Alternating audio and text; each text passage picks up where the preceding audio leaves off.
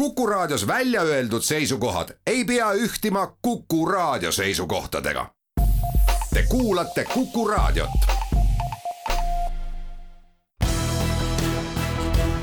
olukorrast ajakirjanduses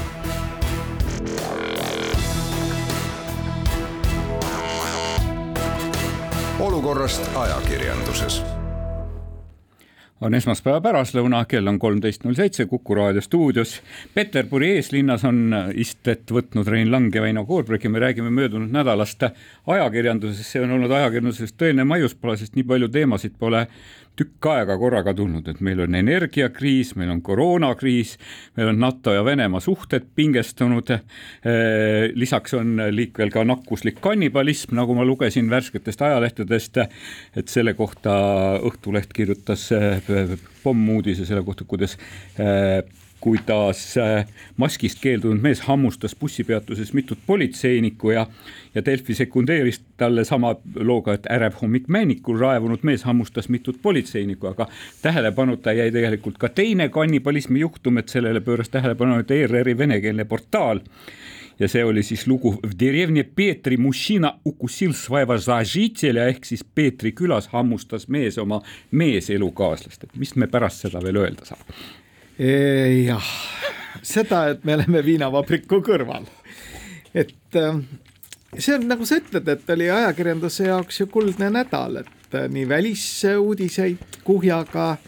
energiakriis, koroona ja kõike seda siis vürtsitas väljaannete puhul äh, hammustamissuudiste laviin.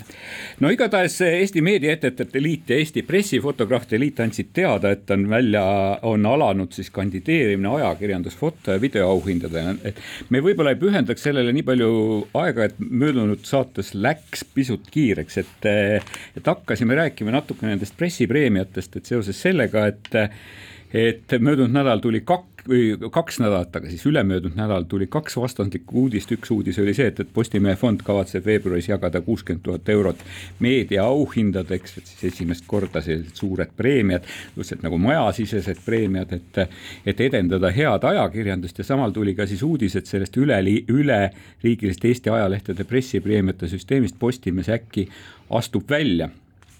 et, et see, see tuli on tuha all tegelikult ikka vist tükk aega õõgunud, ma saan aru. aga, aga katsu nüüd, katsume kuidagimoodi nüüd äh, ära seletada kuulajatele.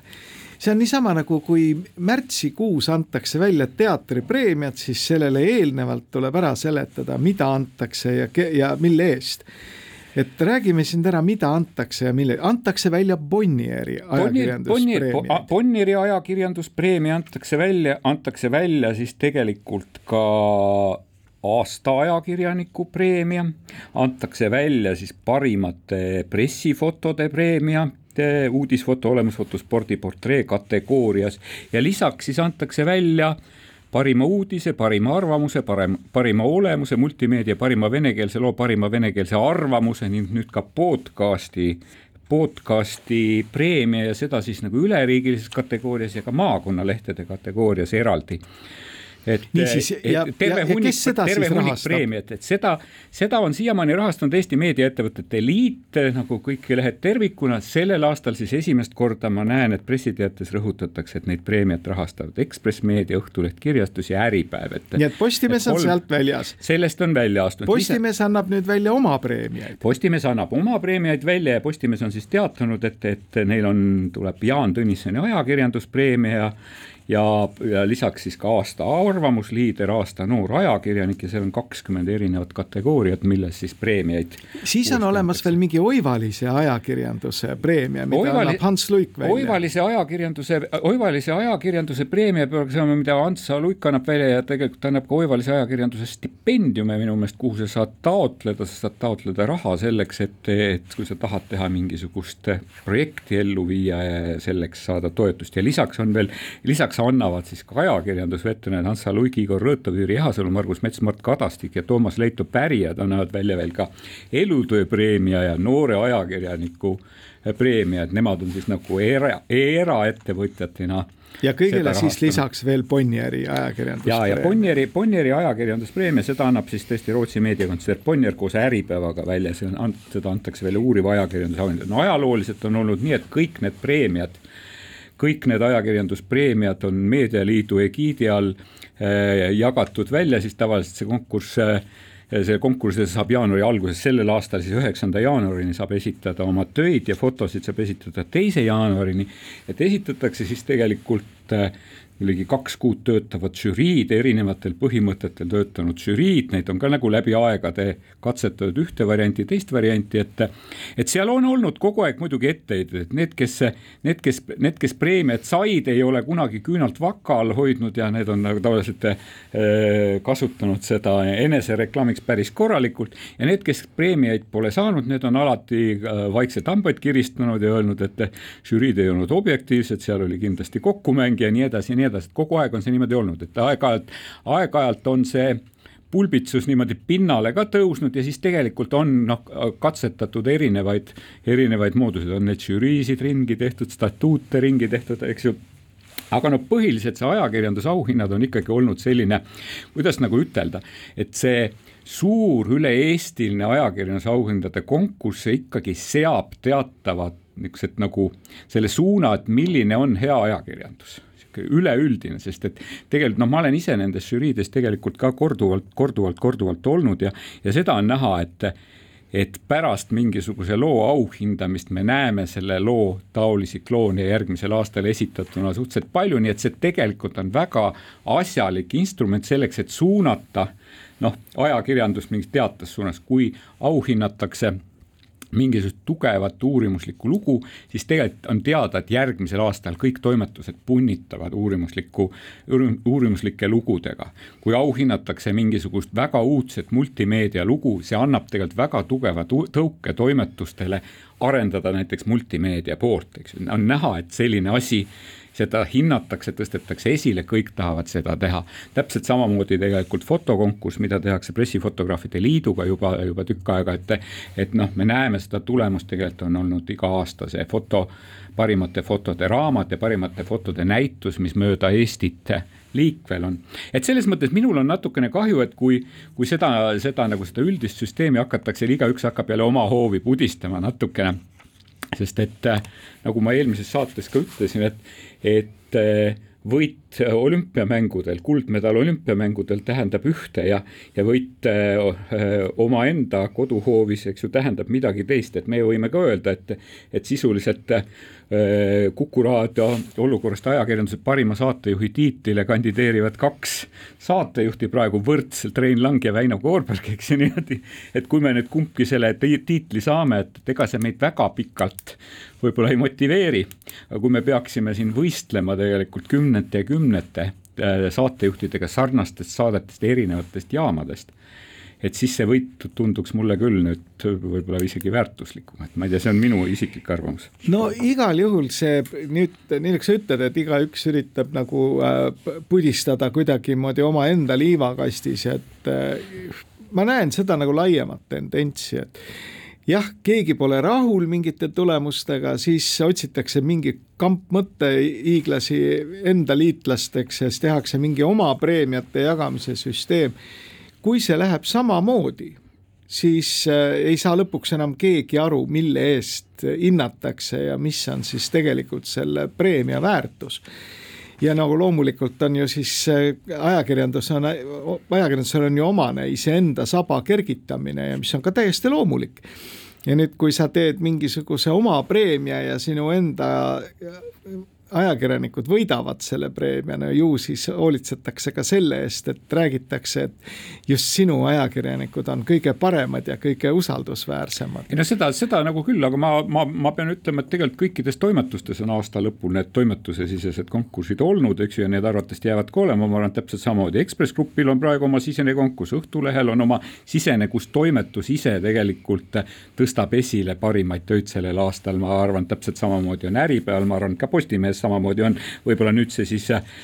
tuleva aasta veebruaris on see lihtsalt natukene suurem ja laiem ja kõik. et minu jaoks on oluline lihtsalt siis see, et, et okei okay,, et me, et me ei hakkaks nagu kahte leeri minema, et ma loodan siiski, et Postimehe ajakirjanikud esitavad oma parimat tööd ka sellele suurele konkursile et Postimehe eh, ajakirjandusspetsialistid osalevad ka selle suure konkursi žüriides jätkuvalt edasi, mitte ei, ei eemaldu ja ei, ei tõsta ennast kuidagi teisele poole barjääri. aga meie siinkohal teeme väikese reklaamipausi olukorrast ajakirjanduses.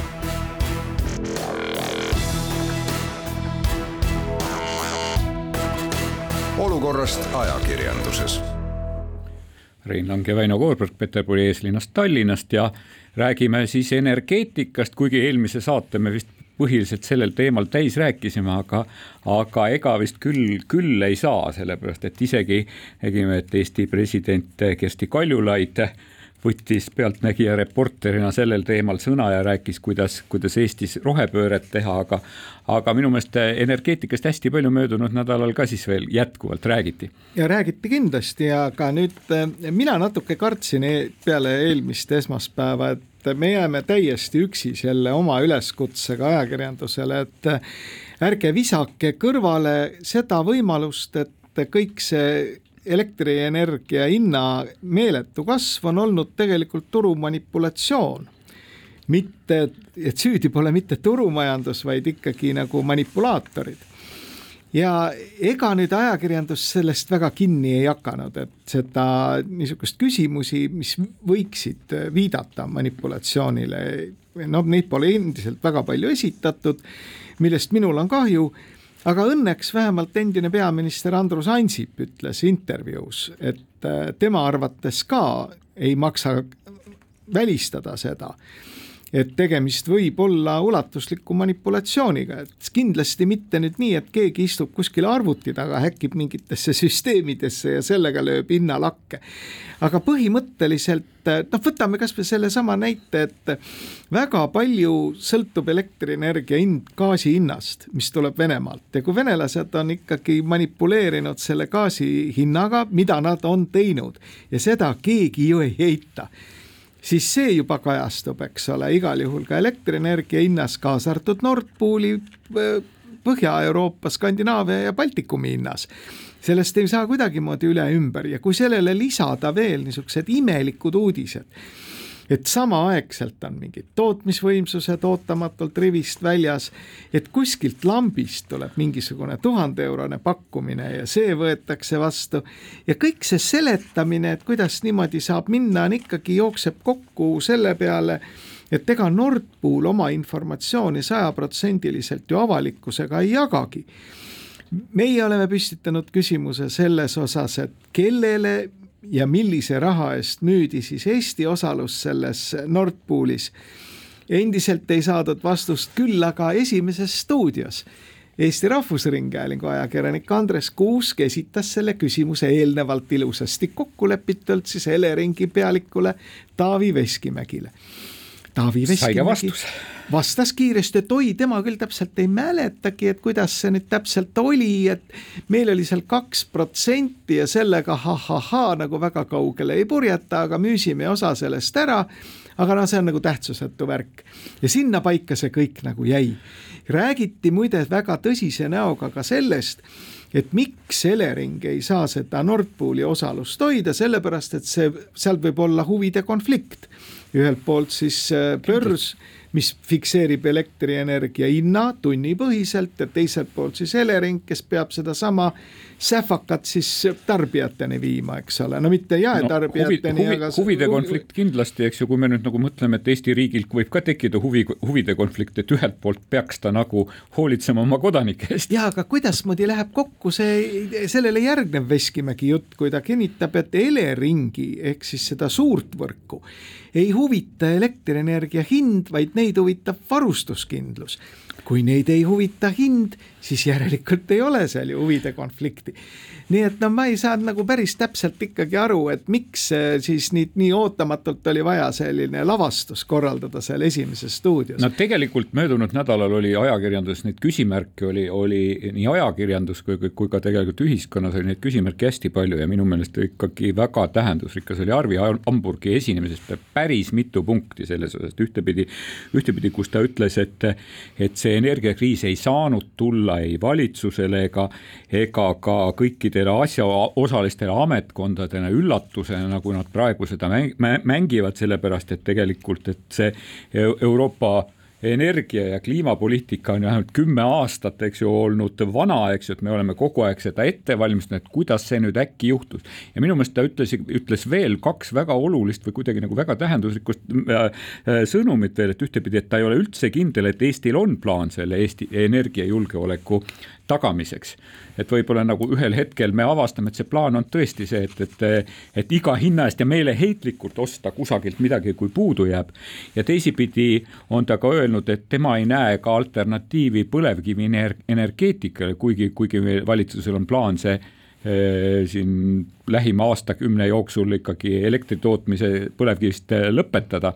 et, et see on praegu nende selle hurraa optimistlike loosungitega täiesti selges vastuolus olevad, olevad väljaütlemised, et millel mina tahaks küll nagu kommentaari selgemalt saada. no vaata, Veino, ega siis äh, ma arvan, et Eestis ei ole nii rumalaid inimesi, kes ütleksid, et põlevkivi me üldse energeetikas ei kasuta, et äh, enne, kui on olemas alternatiivid. külmas ja pimedas ei taha keegi istuda nüüd see on hoopiski tõsisem äh, asi, et kas me võime endale lubada sellist lootust, et kui meil endal puudu jääb mingitest tootmisvõimsustest, et me saame selle puuduoleva osa läbi nende Soome elektrikaablite või siis Leedu ja Poola ühenduse. ja see on minu meelest üks väga tõsine poliitiline otsuse koht et kui tõesti lähtuda sellest, et Euroopa Liidus eksisteerib väga selge solidaarsus, et keegi ei tõmba tekki enda poole. kedagi ei jäeta üksi. kedagi ei jäeta üksi, siis on see mõtteviis ju õigustatud. aga mida me oleme näinud koroonakriisi jooksul? piirid suleti, eks ole, vahepeal oli isegi jutt, et maske ei lubatud eksportida, eks ole, ühest riigist teise täna me näeme, et Euroopa Ülemkogu jookseb kinni, eks ole, küsimuses, kas reisipiiranguid võib teha Schengeni ruumis või mitte. järelikult see solidaarsus ei ole täna sugugi nii väga kindel ja nii, et noh, et Eestil on siin väga selge mõtlemise koht olemas, nii et selle vastu ei saa. Ja ma arvan, et Eesti ajakirjandus on tegelikult selle energiakriisi ajal teinud ikka üsna head tööd päris armsaid lugusid oleme lugenud, mulle väga meeldib. armsaid, vaid tegelikult väga asjalikke käsitlusi ja kus on siis tõesti sõna saanud inimesed, kes naljalt sõna polegi saanud viimastel aastatel. et sellised, ütleme, hüsteerilised turumajanduse vastu võitlemise loosungid, mida me oleme kuulanud Riigikogust muide, väga naljakas oli vaadata esmaspäeval seda, kuidasmoodi siis Riigikogu nädala rakendamisel, kui hakati arutama, et kinnitada päevakord siis loomulikult järgnesid jälle laviinina protseduurilised küsimused. noh, mitte, mis ei puudutanud mitte päevakorda, vaid jumal teab mida, eks ole, igaüks üritas kaamerate valguses siis äh, kuidagi esineda. ja tore oli vaadata, et kui e-, samal momendil, sekundi pealt kui Urmas Reinsalu tõmbas protseduurilise küsimuse sildi all sae käima ja hakkas rääkima poliitilist sellist äh, kihutuskõnet energiamajanduse osas, täpselt samal hetkel käivitus Postimehe otseülekanne online'is nii no. et ma, siin ma nägin seda, kuidasmoodi lõpuks ometi Postimees on muutunud selleks platvormiks, et era, et edastada kõiki erinevaid arvamusi. Rein, et ma ei ole küll päris kindel, et kas me ei aja põhjust ja tagajärge segamini, vanasti ma mäletan, et Riigikogu töötas sellel põhimõttel, et nii kui Eesti Televisioonis algas ülevaade sellest Riigikogu infotunnist, eks ju, nii leidsid kõik need saadikud, kes siiamaani ei olnud saalis kunagi olnud ja kordagi sõna võtnud, leidsid äkki jõudu tulla saali, vajutada kõnesoovi nuppu, eks ju, ja hakata mikrofoni ees esinema. et see on, et see on, et, et ma ei tea, me peame igaks juhuks selgi, selgitama. aga mulle siiski tundub, et ajakirjandus on tegelikult nüüd olnud küll sammukese ees et kõik need tõsiseltvõetavad käsitlused ja ekspertide seletused ja ka ajakirjanike enda, endi kirjutised on olnud mäekõrguselt üle kogu sellest show'st, mida on meile siis üritanud pakkuda mõned parteid, kes siis nagu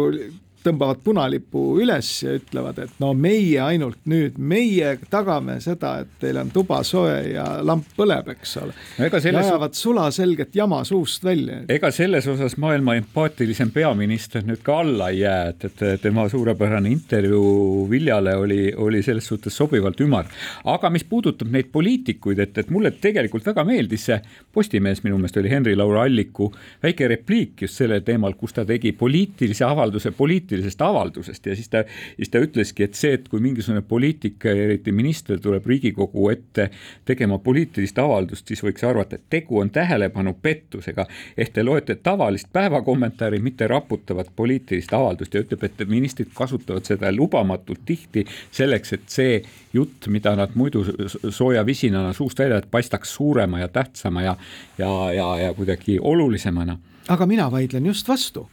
mulle tundub, et seda poliitilise avalduse tegemise võimalust eh, ei kasutata piisavalt eh, tihti. see, et Taavi Aas kasutas seda lihtsalt sellise trafaretse poliitilise mula suust väljaajamiseks, see on üks teema. aga miks ei võiks valitsuse liikmed ja ka valitsus tegelikult teha vajadusel poliitilisi avaldusi?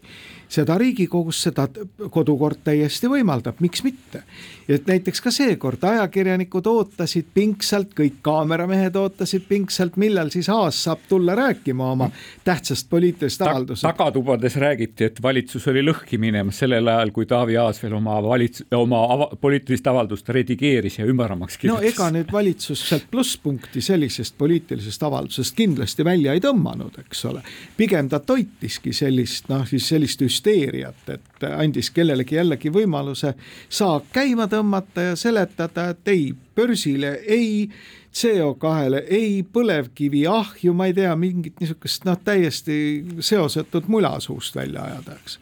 aga ajakirjandus jah, möödunud nädalal energeetikast rääkis palju, räägiti meile sellest, kuidas Auvere elektrijaam paremat ja vasakut jalga lonkas, eks ju, ja, ja kuidas olid need tõsised rikked. Ja räägiti ka armsaid lugusid siis sellest, kuidas, kuidas riik ühe käega soodustab roheenergeetikat ja teisipidi ei lase Endelsifil kui omal tillukest tuuleparki eh, sinna teiste suurte tuugenite kõrvale püsti panna, sellepärast et kaitsevägi on nende ventilaatorite vastu väga selgelt, see oli ka päris armas lugu, tundus mulle. meie siinkohal aga teeme väikese reklaamipausi.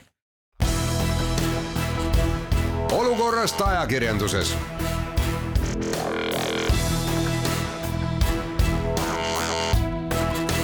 olukorrast ajakirjanduses Rein Lang ja Väino Koorberg olukorrast ajakirjanduses, kolmas veerand. jõulud on tavaliselt selle märkamise ja imede aeg ja, ja, ja siis see nüüd vahetult, tavaliselt siis tulevad need alearmsad lood meile iga, kõikidesse ajakirjandusväljaannetesse ja ja, ja need lood, kus meil alati tekib eh, soov aidata ja kaasa tunda, et tegelikult eh, küll meil on, räägitakse Eesti Televisiooni heategevussaadetest ja väga kuulus on tavaliselt ka TV3 heategevussaade, sedapuhku siis vahetult enne jõule tuli uudis selle kohta, et TV3 enda toimetuses on vik-, sirp on lõiganud, alasile haamer löönud vist arvatavasti ja päris mitu uudist tuli, tuli esiteks uudis selle kohta, et seitsmeste uudisteprogrammi peaprodutsent, saade saab uue peaprodutsenti, Mart Martisalu, kes juba kevadel pidi ära minema, läheb nüüd, kolib nüüd lõplikult pere juurde Gruusiasse ja ja peaprodutsendina alustab Anneli Lahe, staažikas teletegija. Et TV3 on sõlmimas Tallinna linnaga lepingut Tallinna uudiste näitamiseks, et eh, kümnendast jaanuarist on siis oodata TV3 uudistesaate sees, nagu öeldakse, võimalikult klippi oma, võimalikult pikka klippi oma uudistest ja ja siis igal päeval peaks veel olema pikk uudisteklipp, aga põhiline uudis tuli siis sellest, et möödunud reedel mitmed TV3 eh, telenäod said koondamisteate, et eh, koondati üle kümne aasta kanalis töötanud Eve Heinla, üks päevatoimetaja Erik Rand, eh, TV3 ainus Lõuna-Eesti korrespondent Tarmo Michelson, eh, TV3 ilma, üks ilmapoiss ja ja, ja kaks päevatoimetajat on seal otsustanud siis omal soovil ära minna, nii et kolmest päevatoimetajast üks koondati ja kaks lahkuvad omal soovil, nii et, et pole just nagu no teleajakirjanduse või kas selle nimi on, et it's a good start, eks ju, tähendab, et, et, et tuhat, tuhat juristi, eks ju, merepõhjas kinni, eks ju, tähendab, et it's a good start, see on hea algus uuele uudistetoimetajale. no see tele- ja ajakirjanduse seisukohast jääb äh, seda valikuvabadust tarbijal vähemaks, see on kindlasti negatiivne uudis ühelt poolt. nüüd minul on sellele asjale selline vaade, et äh, Eestis on ikkagi äh, eestikeelseid televaatajaid, potentsiaalseid televaatajaid alla miljoni ja no siia nagu lõpmatuseni teleajakirjandust erinevates kanalites, lineaartelekanalites, no lihtsalt ei mahu, midagi ei ole parata, see on nagu objektiivne paratamatus. Nüüd, et, et turule mahub üks avalik-õiguslik kanal ja üks kommertskanal. no et ütleme, et Eesti Rahvusringhäälingul on neid kanaleid ju, lineaartelekanaleid ju kolm tükki. nii et ja nüüd, kui ta leiab et ta peab nui neljaks eratelekanalitega äh, konkureerima ja see on tänane Eesti Rahvusringhäälingu filosoofia. et nemad tajuvad seda, et nende üks eesmärke on konkureerida eratelekanalitega. seni, kuni where can be only one ehk et turule peab jääma järele ainult üks. E, no enam-vähem jah, et ma arvan, et seal on ridamisi inimesi, kes alustavad igat jumala päeva sellega, et mõtlevad selle üle, kuidas eratelekanalitele sisse sõita ja kuidas neilt midagi ära võtta, et enda positsiooni turul, mida siis hinnatakse, eks ole, vaatajate arvu järgi eh, kuidagi parandada ja nüüd selles olukorras muidugi on, ma ei näe nagu, et keegi teine peale selle duomeedia suudaks talle sellele filosoofiale vastu seista. ja nii, et nad objektiivselt TV3-l ei ole minu meelest seal väljamängu võimalusi, kui ta tahab mängida samade mängureeglite järgi. nüüd, kui TV3 võtab selle niši, et ta muutubki Tallinna eh, ajakirjanduskanaliks, eks ole, et ta edastabki ainult Tallinna uudiseid ja Tallinnat puudutavat materjale. ma arvan, et see võib-olla ei ole üldse mitte halb idee ehk siis see omaaegne Tallinna Televisioon, mis kiirelt transformeerus mingisuguseks imelikuks propagandakanaliks, selle sisuline pool võikski olla tulevikus siis see TV3, eks ole, miks mitte? Iseenesest see on täitsa huvitav. see on üks lähenemine. versioon, et teisipidi no jälle, et ütleme, võib-olla nagu turu mõttes on ka nagu koondumiste, koondumiste aeg, et iial ei või ju teada, et mis, mis saab sellest TV3-st, sest ühtepidi tõepoolest TV3 on eelmisel aastal raporteerinud poolteist miljonit kahjumit ja ja, ja korralikku käibelangust, ega, ega raske on tegelikult olnud vist kõikidel telekanalitel, väga suurt rõõmu pole olnud, aga aga noh, erineval moel majandades on vist ikkagi hakkama saadud, et siin mulle tundub, et TV3-e see palju palju lõbusat sodi võib-olla pole sellisel juhul väga hästi kandnud. ja nende uudistesaade noh, on ka ikkagi ütleme nagu juba tükk aega on mul olnud raskusi defineerida nende uudistesaate olemust muidugi. nojah, ma arvangi, sul ongi õigus, et iseenesest nüüd selles konkurentsis, kui sa oled nagu päris üksi ja üritad seal tuua meedia ja, või siis no ütleme, Kanal kahe ja ERR-i kanalitega konkureerida, siis see on ikkagi no mission impossible, eks ole, lootusetu missioon et sa, TV3 peab endale leidma mingisuguse muu ärimudeli. kui see ärimudel on tõesti Tallinna telekanal, no minu meelest võiks see isegi kõne alla tulla kui see muutub nagu selliseks, et Tallinn järjekordselt panustab mingile nagu mingile meediakanalile, mille tulevik on tume, nii nagu Tallinn panustas ju PBK-le, eks ole. Toona siis, kui see nõndanimetatud konkurss toimus ja, ja Tallinn hakkas venekeelset äh, vaatajat püüdma siis läbi PBK, siis me ju ennustasime, et see on täiesti tühi loos, et tegelikult kulutatakse raha mingi surnud hobuse maksmiseks. Ja nii ka läks nüüd, kui Tallinn võtabki kätte, ütleb, et vot TV3 ja TV3 ärimudel seda kannab täpselt samasugust ideed, et nad ei näe vaeva seal riiklike uudistega ja riigi eh, tasemel ajakirjandusega, vaid keskenduvad Tallinnale. Ja kõike seda vürtsitub siis selline noh, meelelahutuslik eh, teleprogramm noh, kas Rannamaja tootmine on ka muide üsna kallis, aga lõppkokkuvõttes terves maailmas liigub seda teletoodangut, mida näidata ja mida saab kätte väikse raha eest ja millel, mille kvaliteet ei olegi nii väga halb. siis seda, ma arvan, et see võiks olla TV3-l ka tulevik, mida nende enda pea seal äh, välja mõtleb, seda ma ei oska küll öelda. omaette küsimus on veel see, et, et tõepoolest, et kas nagu hambad ristis peakski Eestis nagu püüdma, tegelikult uudiste tootmine on väga kallis, et kas nagu iga kanal peaks hambad ristis uudiseid tootma,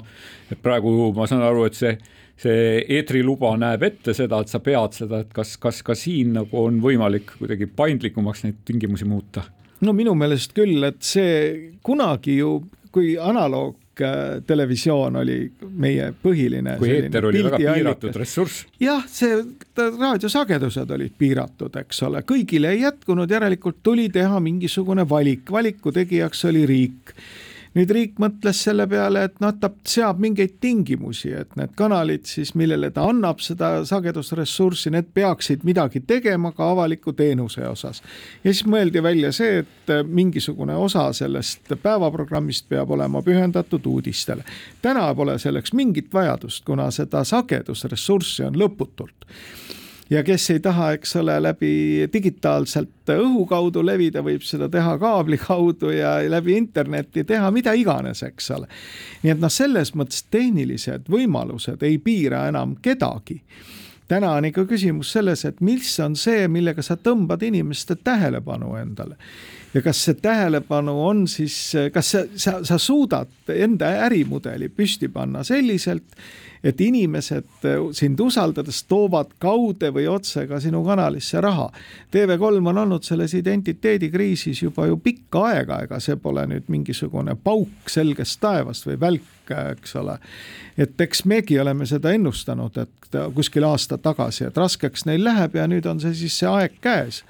no iga, no igatahes on, on, on, aeg näitab siis, et mis, mis, mis need sammud tegema hakkavad, et soovime jõudu ja,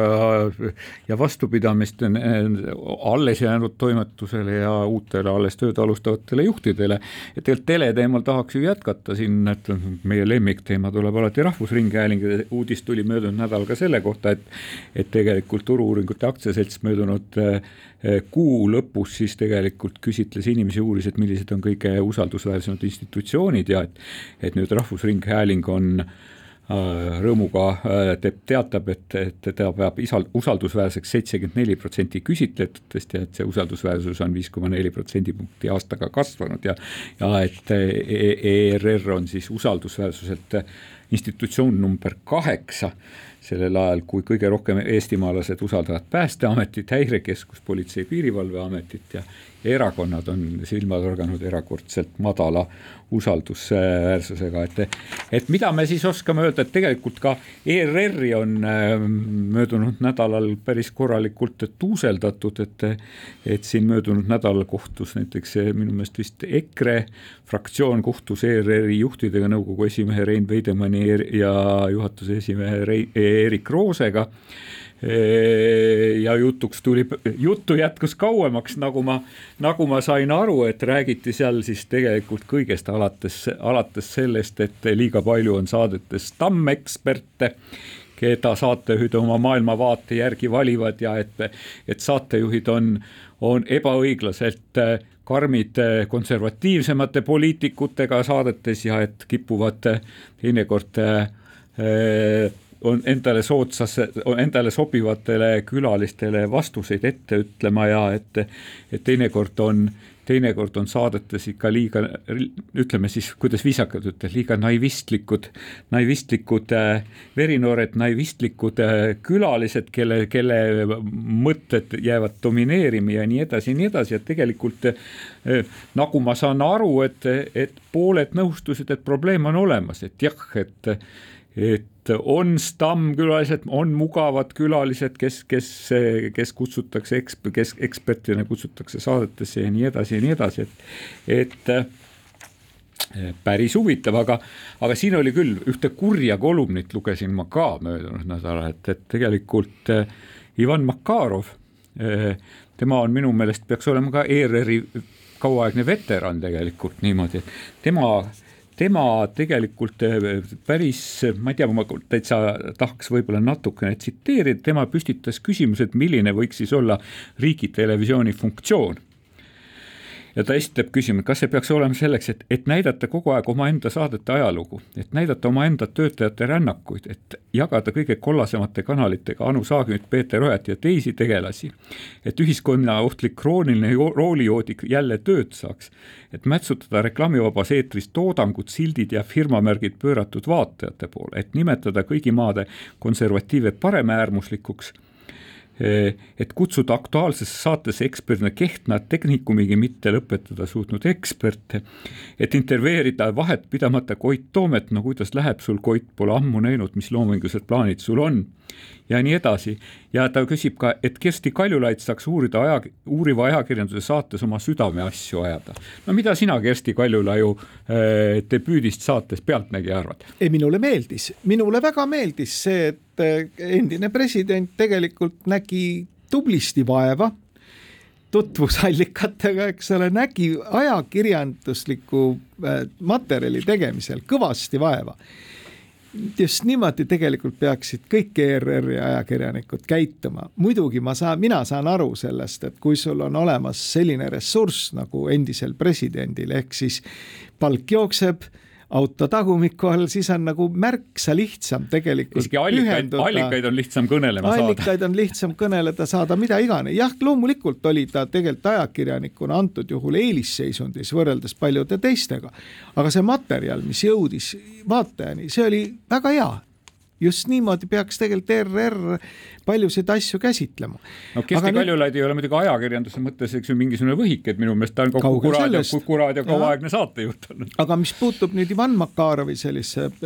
no ütleme väga sarkastilisse kolumnisse, siis nii kurb kui see ka ei ole, on Ivanil ikkagi väga paljudes kohtades õigus. et loomulikult temale võib lüüa nüüd selle templi otsa, et, et sina vana EKRE-iit, mis sa üldse õiendad, eks ole aga ei maksa unustada, et äh, Ivan Makarov on aastakümneid töötanud Rahvusringhäälingus, on saanud premeeritud kui väga hea ajakirjanik, nii et ma arvan, et ta teab, millest ta räägib. ja nüüd äh, mina arvan, et näiteks teised poliitilised parteid võiksid tegelikult rahulikult kuulata, mida üks mees, kes on selles süsteemis töötanud, räägib, mitte nüüd automaatselt lükata seda sellepärast kõrvale, et ta on konkureerivast parteist. Nüüd see on muidugi huvitav töövorm, eks ole, et üks partei äh, kohtub Ringhäälingu nõukoguga, et ma loodan, et siis teised parteid saavad ka kohtuda analoogses formaadis. Ringhäälingu nõukogu esimees ja juhatuse esimees olid need. no see on küll kummaline jah, et, et parlamendiparteisid on meil ka ju üksjagu, aga no peale selle meil on ju erakondi, mis ei ole parlamendis, ega me siis saameti E, E200-le öelda, et nemad ei saa niisugust võimalust, kuigi need on, omavad suurt populaarsust rahva hulgas. aga no see te teema on niikuinii, meid süüdistatakse ju niikuinii, et teie vanad ERR-i vihkajad ja tahaksite kõik selle maa pealt ära kaotada, siis kinnitame ükskord veel meie ei taha ERR-i maa pealt ära kaotada. me tahame, et oleks maa peal rahu ja inimestest hea meel ja siinkohal teeme reklaamipausi. olukorrast ajakirjanduses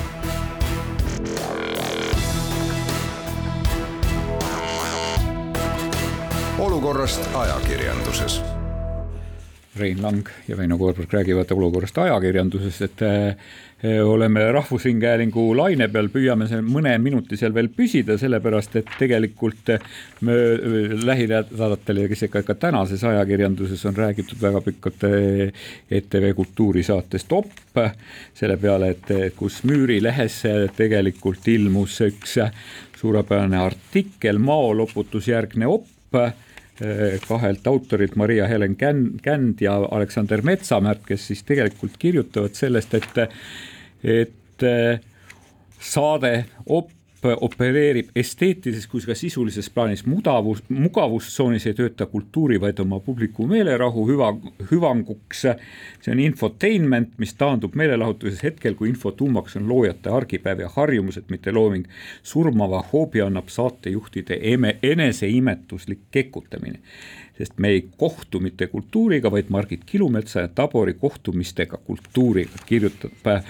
Müürileht ja tegelikult sellel teemal on siis tänane Eesti Päevaleht on ka tegelikult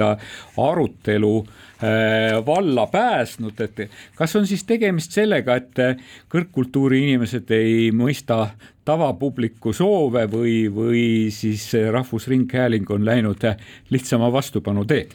Noh, tuletame meelde, et eestikeelseid telekanaleid on rahvuslikul, Rahvusringhäälingul kaks tükki. ETV, ETV kaks ja ETV kaks nüüd eh, kummalegi pole tegelikult suudetud tekitada mingisugust täielikult oma identiteeti, no ütleme, esimesel kanalil võib-olla on seda rohkem, teisel mitte. aga meenutame, et teine kanal tehti algselt venekeelse auditooriumi tarvis, nüüd on tehtud sinna juba kolmas kanal ehk ETV Pluss, see on siis nagu venekeelne. Ja siis räägiti, et sellest ETV kahest peaks kujunema siis eh, kultuuri, süvakultuuri ja spordikanal. no ei ole seda ka. Nüüd äh, mina kultuuri suurtarbijana tõepoolest tahaksin, et Rahvusringhäälingus oleks kirjandussaade, oli kirjandusministeerium, enam ei ole, miks ei ole, pole tänaseni aru saanud.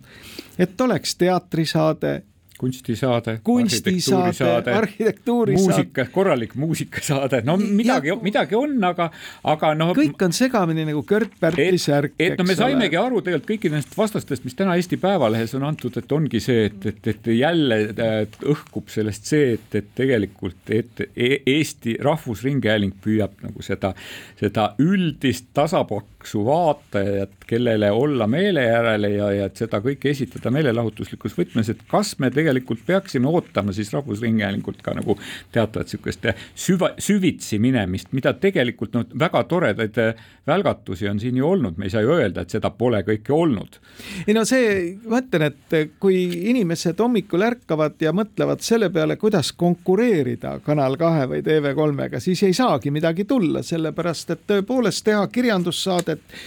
mille vaatajaskond oleks noh, enneolematult suur, ei ole võimalik lihtsalt ei ole võimalik, selleks puuduvad igasugused eeldused.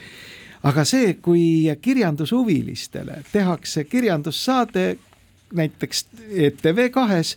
üks kord nädalas, sellele ma ei näe küll ühtegi takistust no,. Takistus ja see ei ole ka nii kallis, nagu ma, üritatakse ma, ma just väita, avasin su tahtes öelda, et millegipärast on ka see, et kuna Rahvusringhääling on sellest kogu aeg rääkinud, siis see on jäänud ka nagu kuidagi mainstream'ina kõlama, et, et, et Rahvusringhääling on pidevas alarahastamises, et ma ütlen, püha issand jumal, mõeldes siis kommertsmeedia peale veel sinna kõrvale no,. mina ei kujuta ette, et mis, mis alarahastusest me räägime, Joonas Ellermaa teeb suurepärast saadet, aga no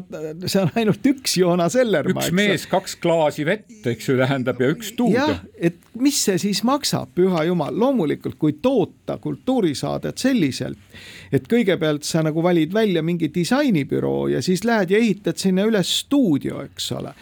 kui palju seda inimtööjõudu, valgustajaid, kaablivedajaid, kaameramehi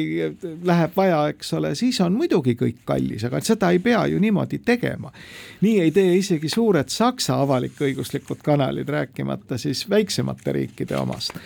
nii et noh, küsimus on ikkagi tegelikult selles juhtimises, et kui meil on äh, Rahvusringhääling, millel on moodustatud parlamentaarne nõukogu, siis kas see parlamentaarne nõukogu tegeleb mingil moelgi nende vaatajate ja kuulajate soovidega või, või vajadustega või tegeleb ta erainitsiatiivil toimivate kanalitega konkureerimisega või jumal teab millega, poliitilise tasakaalustatusega. Rein, sa läksid libedale teele, rääkides vaatajate vajadustest, üks asi on nagu vaatajate vajadused, selles mõttes see tähendabki, et kui me hakkaksime nagu reitingupõhiselt asju ajama ja tegemegi selles mõttes, siis me peaksimegi konkureerima arvatavasti kommertsmeediaga. no me peaksime rääkima ka sellele, et Rahvusringhäälingul on ka teatavad nagu seadusest tulenevad noh, ütleme rahvuslikud või, või ühiskonna huvides toimuvad toimimise ülesanded, et võib-olla nagu neid tuleks täiesti selgemini neile ka meelde tuletada. ja, aga ega sealt ei tule mitte midagi, et äh, selleks on vaja järjekordseid valimisi, järjekordset Ringhäälingu nõukogu moodustamist, siis need teemad sel hetkel tõusetuvad kuidagimoodi. eelmine kord ju tegelikult toimus lihtsalt selle erakondade vahel mõjuvõimu jagamine jagati ära sinule see tükk koogist, sinule see tükk koogist ja nüüd äh, järgmiste valimisteni on kõik paigas, nii kaks uudist kiiresti, tegelikult tahaksime õnne soovida Aula Läntsile, kes et möödunud nädalal sai, pälvis tema kuldmikrofoni Eesti Ringhäälingute Liidu poolt välja antud eetriajakirjaniku aasta auhinna. et selles mõttes tubli tulemus, ligi kolmkümmend aastat, ligi kolmkümmend aastat ringhäälingus ja, ja raadios, et nüüd sedapuhku küll Postimehes arvatavasti. teine uudis oli see, et, et Ekspress Grupp äh, tegi jälle ühe järjekordse ostu, tegelikult tuli, tuli uudis selle kohta, et Ekspress Grupp ostis, ostis ära Geenius Meedia, kui sa mäletad, äh, see on kahe mehe Hendrik Roonemaa, Siim Saidla käivitatud, käivitatud projekt, eks ju, tehnoloogia ajakirjandusest, millest nüüd on tegelikult välja kasvanud väga korralik, väga korralik portaal, kolmteist veebiportaali, oma podcast, oma trükiajakirjad ja ja, ja Ekspress Grupp siis sõlmis nüüd saja protsendi aktsiate omandamise tehingu, öeldes, et, et nende eesmärk oli kasvatada digitaalset meediaäri ja laiendada nišši, kus Ekspress Grupp veel seni regulaarselt tegev ei ole, et minu meelest mina tahaks tõesti nagu noortemeeste algatust tõsiselt ühtepidi tunnustada. teisipidi muidugi mul, mind teeb pisut rahutuks see, teeb pisut rahutuks see üldine koondumine, aga ma ei tea, kas me teeme oma selle kõige populaarsema rubriigi, et millest me sedapuhku veel rääkida ei jõudnud, et tegelikult oleksin rääkida tahtnud paljustki, aga hakkame otsi kokku tõmbama, sellepärast et, et meie saade hakkab otsa saama. ja järgmisel esmaspäeval meil ei olegi saadet. järgmisel esmaspäeval meil saadet ei ole, küll te kohtute meiega järgmisel kolmapäeval kell üksteist, kui on olukorrast, saade olukorrast ajakirjanduses. et meie saadame tervituslaulu saatel, kutsume kõiki lugema Urmas Viilma intervjuud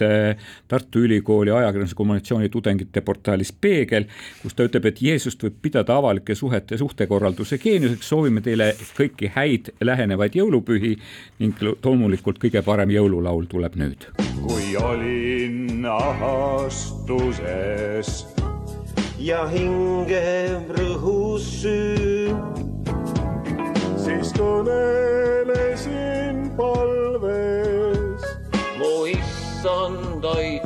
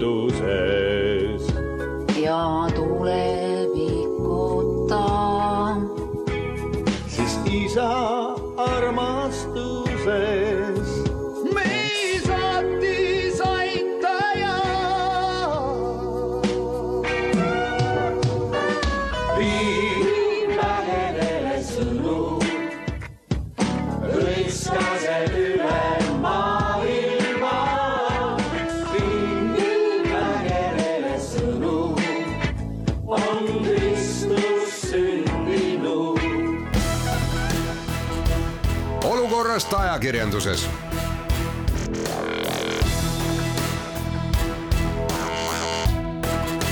olukorrast ajakirjanduses